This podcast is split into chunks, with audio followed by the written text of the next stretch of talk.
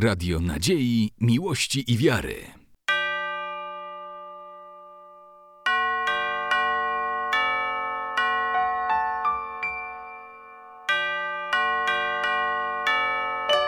Radio Ortodoksja. Sława Jezusu Chrystu. Mi się wydaje, że trudności to każdy, kto się modli, to spotyka na swojej drodze i tu może powiemy parę słów, skąd się wzięły te trudności, tak?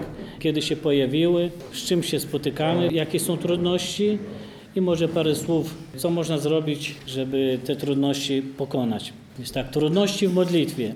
Mówiąc o trudnościach w modlitwie, należałoby wspomnieć, skąd one się wzięły, gdzie jest ich źródło. Tak jak w szerszym znaczeniu modlitwa jest naszą rozmową z Bogiem i obcowaniem z Nim naszego umysłu, to jej brak jest utratą kontaktu, utratą osobistej relacji z Panem Bogiem. W raju kontakt człowieka z Twórcą był bezpośredni. Wiele razy Pan zwraca się do Adama i Ewy osobiście. Napełniajcie ziemię i czyńcie ją sobie poddaną. Albo oto daję wam wszelką roślinę. Wyznacza też człowiekowi zadania do wykonania. I wziął Pan człowieka i osadził go w ogrodzie Eden, aby go uprawiał i strzegł. Według świętych ojców słowa uprawiać i strzec odnoszą się zarówno do ogrodu ereskiego, jak też do umysłu i serca człowieka przebywającego w modlitwie. Natomiast gdy Adam i Ewa naruszyli przekazanie Boże, to pierwszym skutkiem była utrata łaski Ducha Świętego, który Biblia określa słowami i poznali, że są nadzy. Drugim skutkiem była utrata kontaktu z Bogiem, wyobcowanie.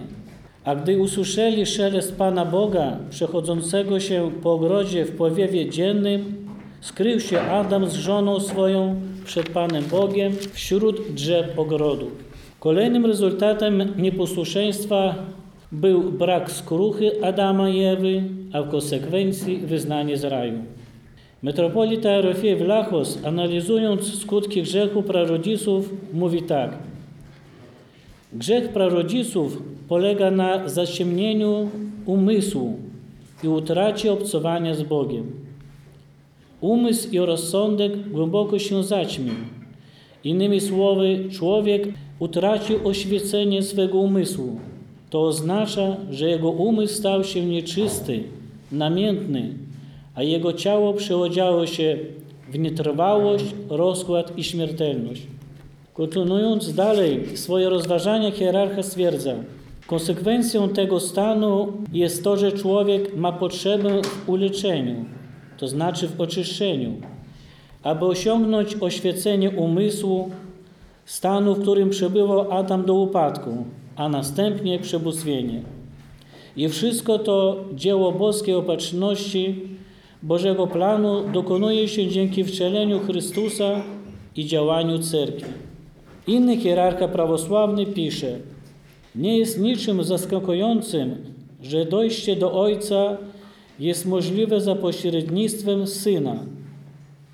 Dokładnie w ten sposób osiąga swą najwyższą wartość modlitwa monologiczna, to znaczy jednosłowna, która w samym centrum umieszcza Jezusa Chrystusa, wiodąc człowieka ku łączności z Nim. Zależność człowieka od Boga w ramach życia duchowego jest niezwykle istotna. Człowiek musi sobie uświadomić, że wyłącznym źródłem duchowego i pełnego cnu życia jest sam Chrystus. Modlitwa należy do czynności człowieka duchowego. Nie jest jedynie cnotą, czyli tym, w czym powinien ćwiczyć się chrześcijanin, ale przede wszystkim jest wyrazem odrodzenia człowieka. I odzajemniony zwrot człowieka do Boga tworzy osobiste relacje, będące głębokimi i życiodajnymi dla człowieka. Ale o ile modlitwa tak bardzo nas ubogaca i daje nam tyle duchowych korzyści, to jak mówią święci ojcowie, nic nie wymaga tyle trudu, co modlitwa. Bo kiedy człowiek zamierza się modlić, demony z wielką pasją próbują mu przeszkodzić. Doskonale bowiem wiedzą, że nic innego nie przeciwstawia się z lepszym skutkiem złu, jak tylko modlitwa, pisze, święty Jan Klimak. Z dotychczasowych słów wyłaniają się zatem dwie główne trudności w modlitwie. Pierwsza to zaciemnienie i niemoc naszego umysłu, spowodowane upadkiem naszej natury. Natomiast druga trudność to nienawiść i zawiść demonów. Jest jeszcze trzecia trudność to brak dobrych nawyków w modlitwie i życiu według Ewangelii. Krótko przeanalizujemy te trzy główne czynniki będące przeszkodami w naszej modlitwie. Niewątpliwie najbardziej dokuczliwa jest trudność związana z chytrością i złośliwością złych duchów. Święty Jan z Kronsztadu, wspominając swoje życie, mówi, iż z całych sił, z uwagą starał się czytać swe modlitwy i odprawiać nabożeństwa w cerkwi. Demony wszelkimi sposobami próbowały mu w tym przeszkodzić, wykorzystując przy tym swą chytrość, wielowiekowe doświadczenie oraz niemoc naszej upadłej, skażonej grzechem natury. Podczas gdy złe duchy próbowały zdusić w nim chęć i płomień modlitwy, to święty pasterz z Kronsztadu jeszcze bardziej usilnie, ze łzami, z westchnieniami bólu i smutku wzywał do Pana Jezusa. I tak wspierany łaską Ducha Świętego nauczył się uważnej i wzruszającej serce modlitwy. Bardzo rzadko zdarza się, gdy dla nielicznych zjawiają się demony w sposób widzialny. Najczęściej działają niezauważalnie, pod przykryciem. I tu podam przykłady. Osłabiają ciało, Święty starzec Paisiusz Wierzchowski pisał, że mogą nawet wywołać ból głowy, bóle brzucha, skurcze brzucha, mogą robić jakieś nieprzyjemne odczucia w uszach i inne podobne rzeczy. Dokuczają snem i lenistwem, wzbudzają nieczyste poruszenia, napędzają burzę myśli odciągającą od modlitwy, czyli myśl ucieka albo do przyszłości, albo gdzieś analizuje naszą przeszłość. Wmawiają też fałszywe poczucie wstydu, bądź to przed znajomymi, kolegami, albo wstyd przed domownikami. Straszą nas, wyją, szumią, krzyczą. To zdarza się rzadko. Przymuszają do wykonania niby niezbędnej pracy. Wynajdują przyczyny, aby opuszczać nabożeństwa cerkiewne ponieważ wiedzą, że wspólna modlitwa w cerkwi, wznoszona przez całe zgromadzenie, przewyższa naszą domową modlitwę. Tu cytat z Ewangelii, gdzie dwóch lub trzech się zbierze w imię moje, tam ja będę pośród nich. Na początkujących sprowadzają zapomnienie, czyli zapominamy o, o modlitwie. Napominają nam o tym, co zapomnieliśmy lub przypominają, doznane krzywdy. Dokuczają nam podczas modlitwy tak zwanymi dobrymi myślami. Na przykład, jak pomóc potrzebującym, jaką modlitwę jeszcze należałoby przeczytać, jak ukorzyć się przed innymi, co znaczy jakiś fragment z Biblii lub dzieł świętych ojców. I w końcu przynoszą nam suchość w modlitwie, czerstwość oraz zniechęcenie. I to jest dość trudne. Następną trudnością to jest brak wiary i naszej cierpliwości. Bo czasami Bóg nie spełnia tego, mówi święty Izaak Syryjczyk, o co go prosimy, lub zwleka z wypełnieniem nie dlatego, że nas nie kocha, lecz abyśmy ciągle uciekali się do Niego. Tak samo postępują miłujący swe dzieci ojcowie, widząc, iż którekolwiek z dzieci jest niedbałe, nie od razu spełniają ich prośby. Nie z tego powodu, iż nienawidzą tego dziecka, lecz aby po otrzymaniu tego ponownie nie popadło w niedbalstwo. I wynika z tego, że walka jest o naszą uwagę. Oczywiście te wszystkie intrygi i machinacje szatańskie nie obywają się bez naszego udziału. Winą tego stanu jest nasza upadła natura, zaciemniony, nieprzejrzysty umysł oraz osłabiona grzechami wola. Zbadamy teraz kolejną przeszkodę, jaką jest brak dobrych nawyków w modlitwie oraz w życiu według słów Ewangelii. Powtarzane nawyki stają się naszym charakterem, jakby naszą drugą naturą. Dlatego też powtarzanie dobrych czynności, dobrych zachowań i słów dzięki wsparciu łaski Bożej prowadzą do trwałych, pozytywnych zmian w naszym postępowaniu i charakterze. Dlatego dobrym jest, aby dzieci uczestniczyły w modlitwie od swego poczęcia i od swych pierwszych dni życia. Święty Jan Złotousty zachęca rodziców, aby dzieci razem z rodzicami wstawały na nocną modlitwę, chociaż na parę minut. Dobry efekt daje też uczenie się modlitw na pamięć. Jeśli brakuje nam nawyku w modlitwie, to należy wykonać czynności przygotowujące do modlitwy, bo przygotowanie to połowa sukcesu. Jakie to mogą być czynności? Są to m.in.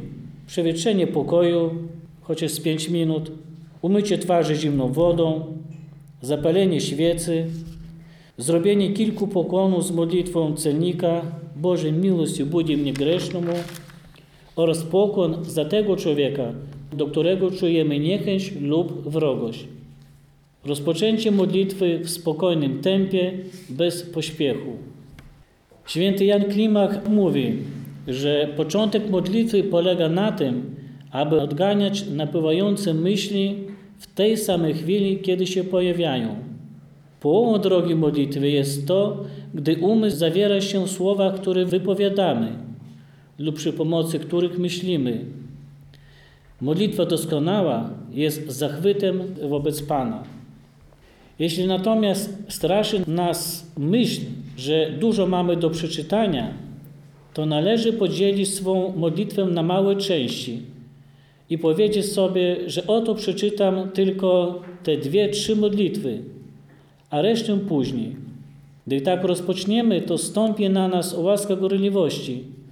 Już będziemy mieli chęć i siły do przeczytania kolejnych modlitw i tak do końca naszej modlitewnej reguły. Wieczorną modlitwę nie należy odkładać na później. Monasterski porządek nabożeństw, ustaw Tipikon nakazuje nam czytanie wieczornych modlitw od razu po kolacji.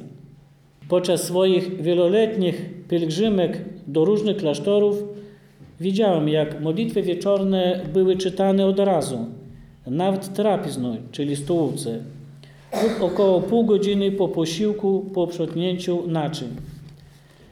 Zakończenie porządku następowało już po modlitwie i otrzymaniu błogosławieństwa na noc od ichumena.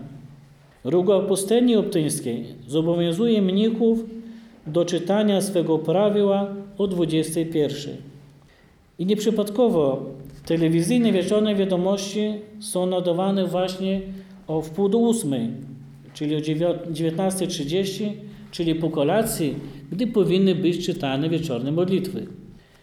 Nawyk do modlitwy jest niezbędny w naszym życiu duchowym i w naszej codziennej egzystencji. Prepodobny Nikon, jeden z ostatnich świętych starców optyńskich, tak o tym pisze. Modlitwa jest niezbędna. Proszę Was, byście zajmowali się nią nieustannie. Nie lęcie się. Wypełniajcie swą regułę modlitewną. Jeżeli z jakiegoś powodu nie możecie wypełniać całej reguły, to postarajcie się chociaż połowę. Starajcie się, żeby nie było żadnego dnia bez modlitwy. Zajmujcie się modlitwą.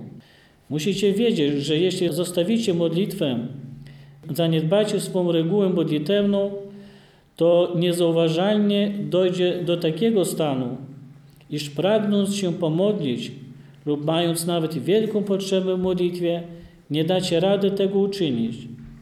Chociaż dusza i chciałoby się pomodlić, to będzie czerstwa i chłodna i będzie stać jak pień.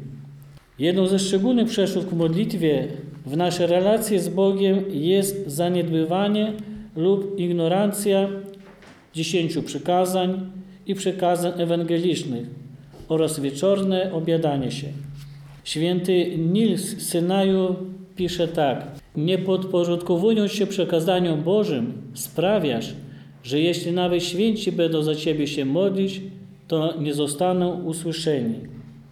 Z kolei Abba Izaak Syryjczyk stwierdza, że ten, kto nie uważa siebie za grzesznika, tego modlitwa nie zostanie przez Boga przyjęta.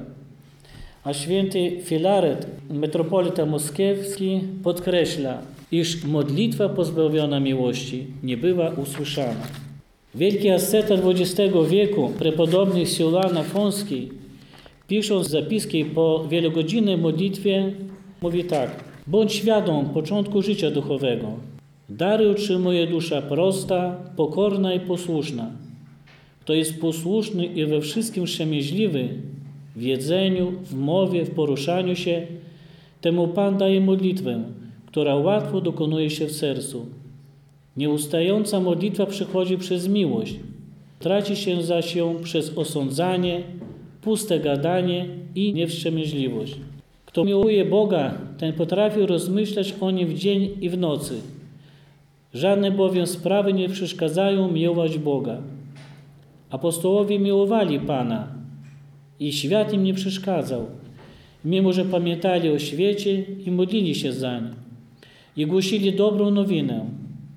A oto Sergiuszowi Wielkiemu powiedziano, unikaj ludzi, gdyż Duch Boży także na pustyni uczy nas modlić się za ludzi i za cały świat. W tym świecie każdy ma swoją funkcję. Jeden jest królem, drugi patriarchą, trzeci kucharzem albo kowalem, albo też nauczycielem. Bóg miłuje wszystkich, a większą nagrodę przypadnie temu, kto bardziej miłuje. Z kolei prepodobny Paisiusz Atowski, odpowiadając na pytanie, czy samą modlitwą serce może się oczyścić, odpowiada następująco. Oczyszczenie serca nie jest możliwe samą tylko modlitwą. Jeżeli nie będzie równocześnie pokory i odpowiedniej ascezy, jeżeli się modlisz i nie starasz się przestrzegać pozostałych rzeczy, o których mówiłem, wtedy to jest daremny trud. Albo jeżeli przestrzegasz tych pozostałych rzeczy, a zaniedbujesz modlitwę, to znów jest daremny trud. Uprawiając ascezę i jednocześnie modląc się, prosisz Boga o pomoc modlitwą i tak stopniowo oczyszcza się serce. Asceza i modlitwa idą razem. Dużą trudność w praktykowaniu modlitwy stanowią współczesne na media, radio, telewizja i wszechobecny internet.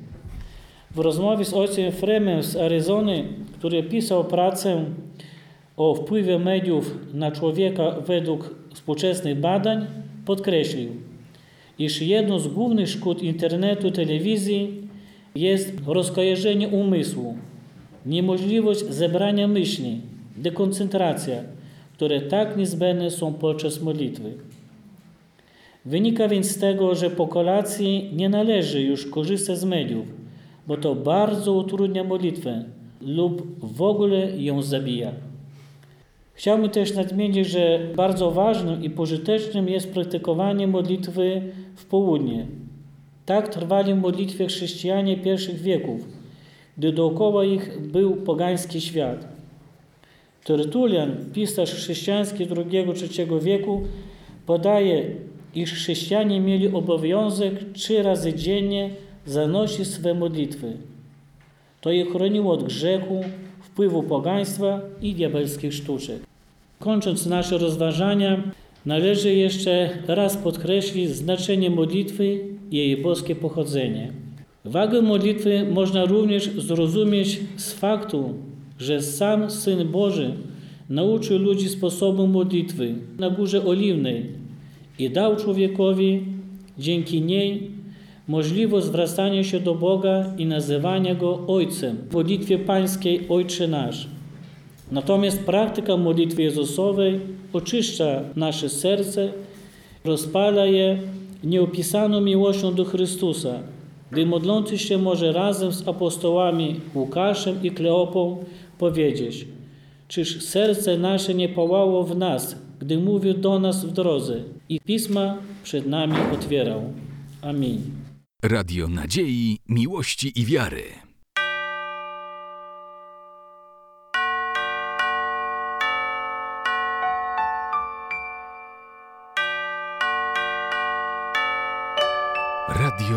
Ortodoksja.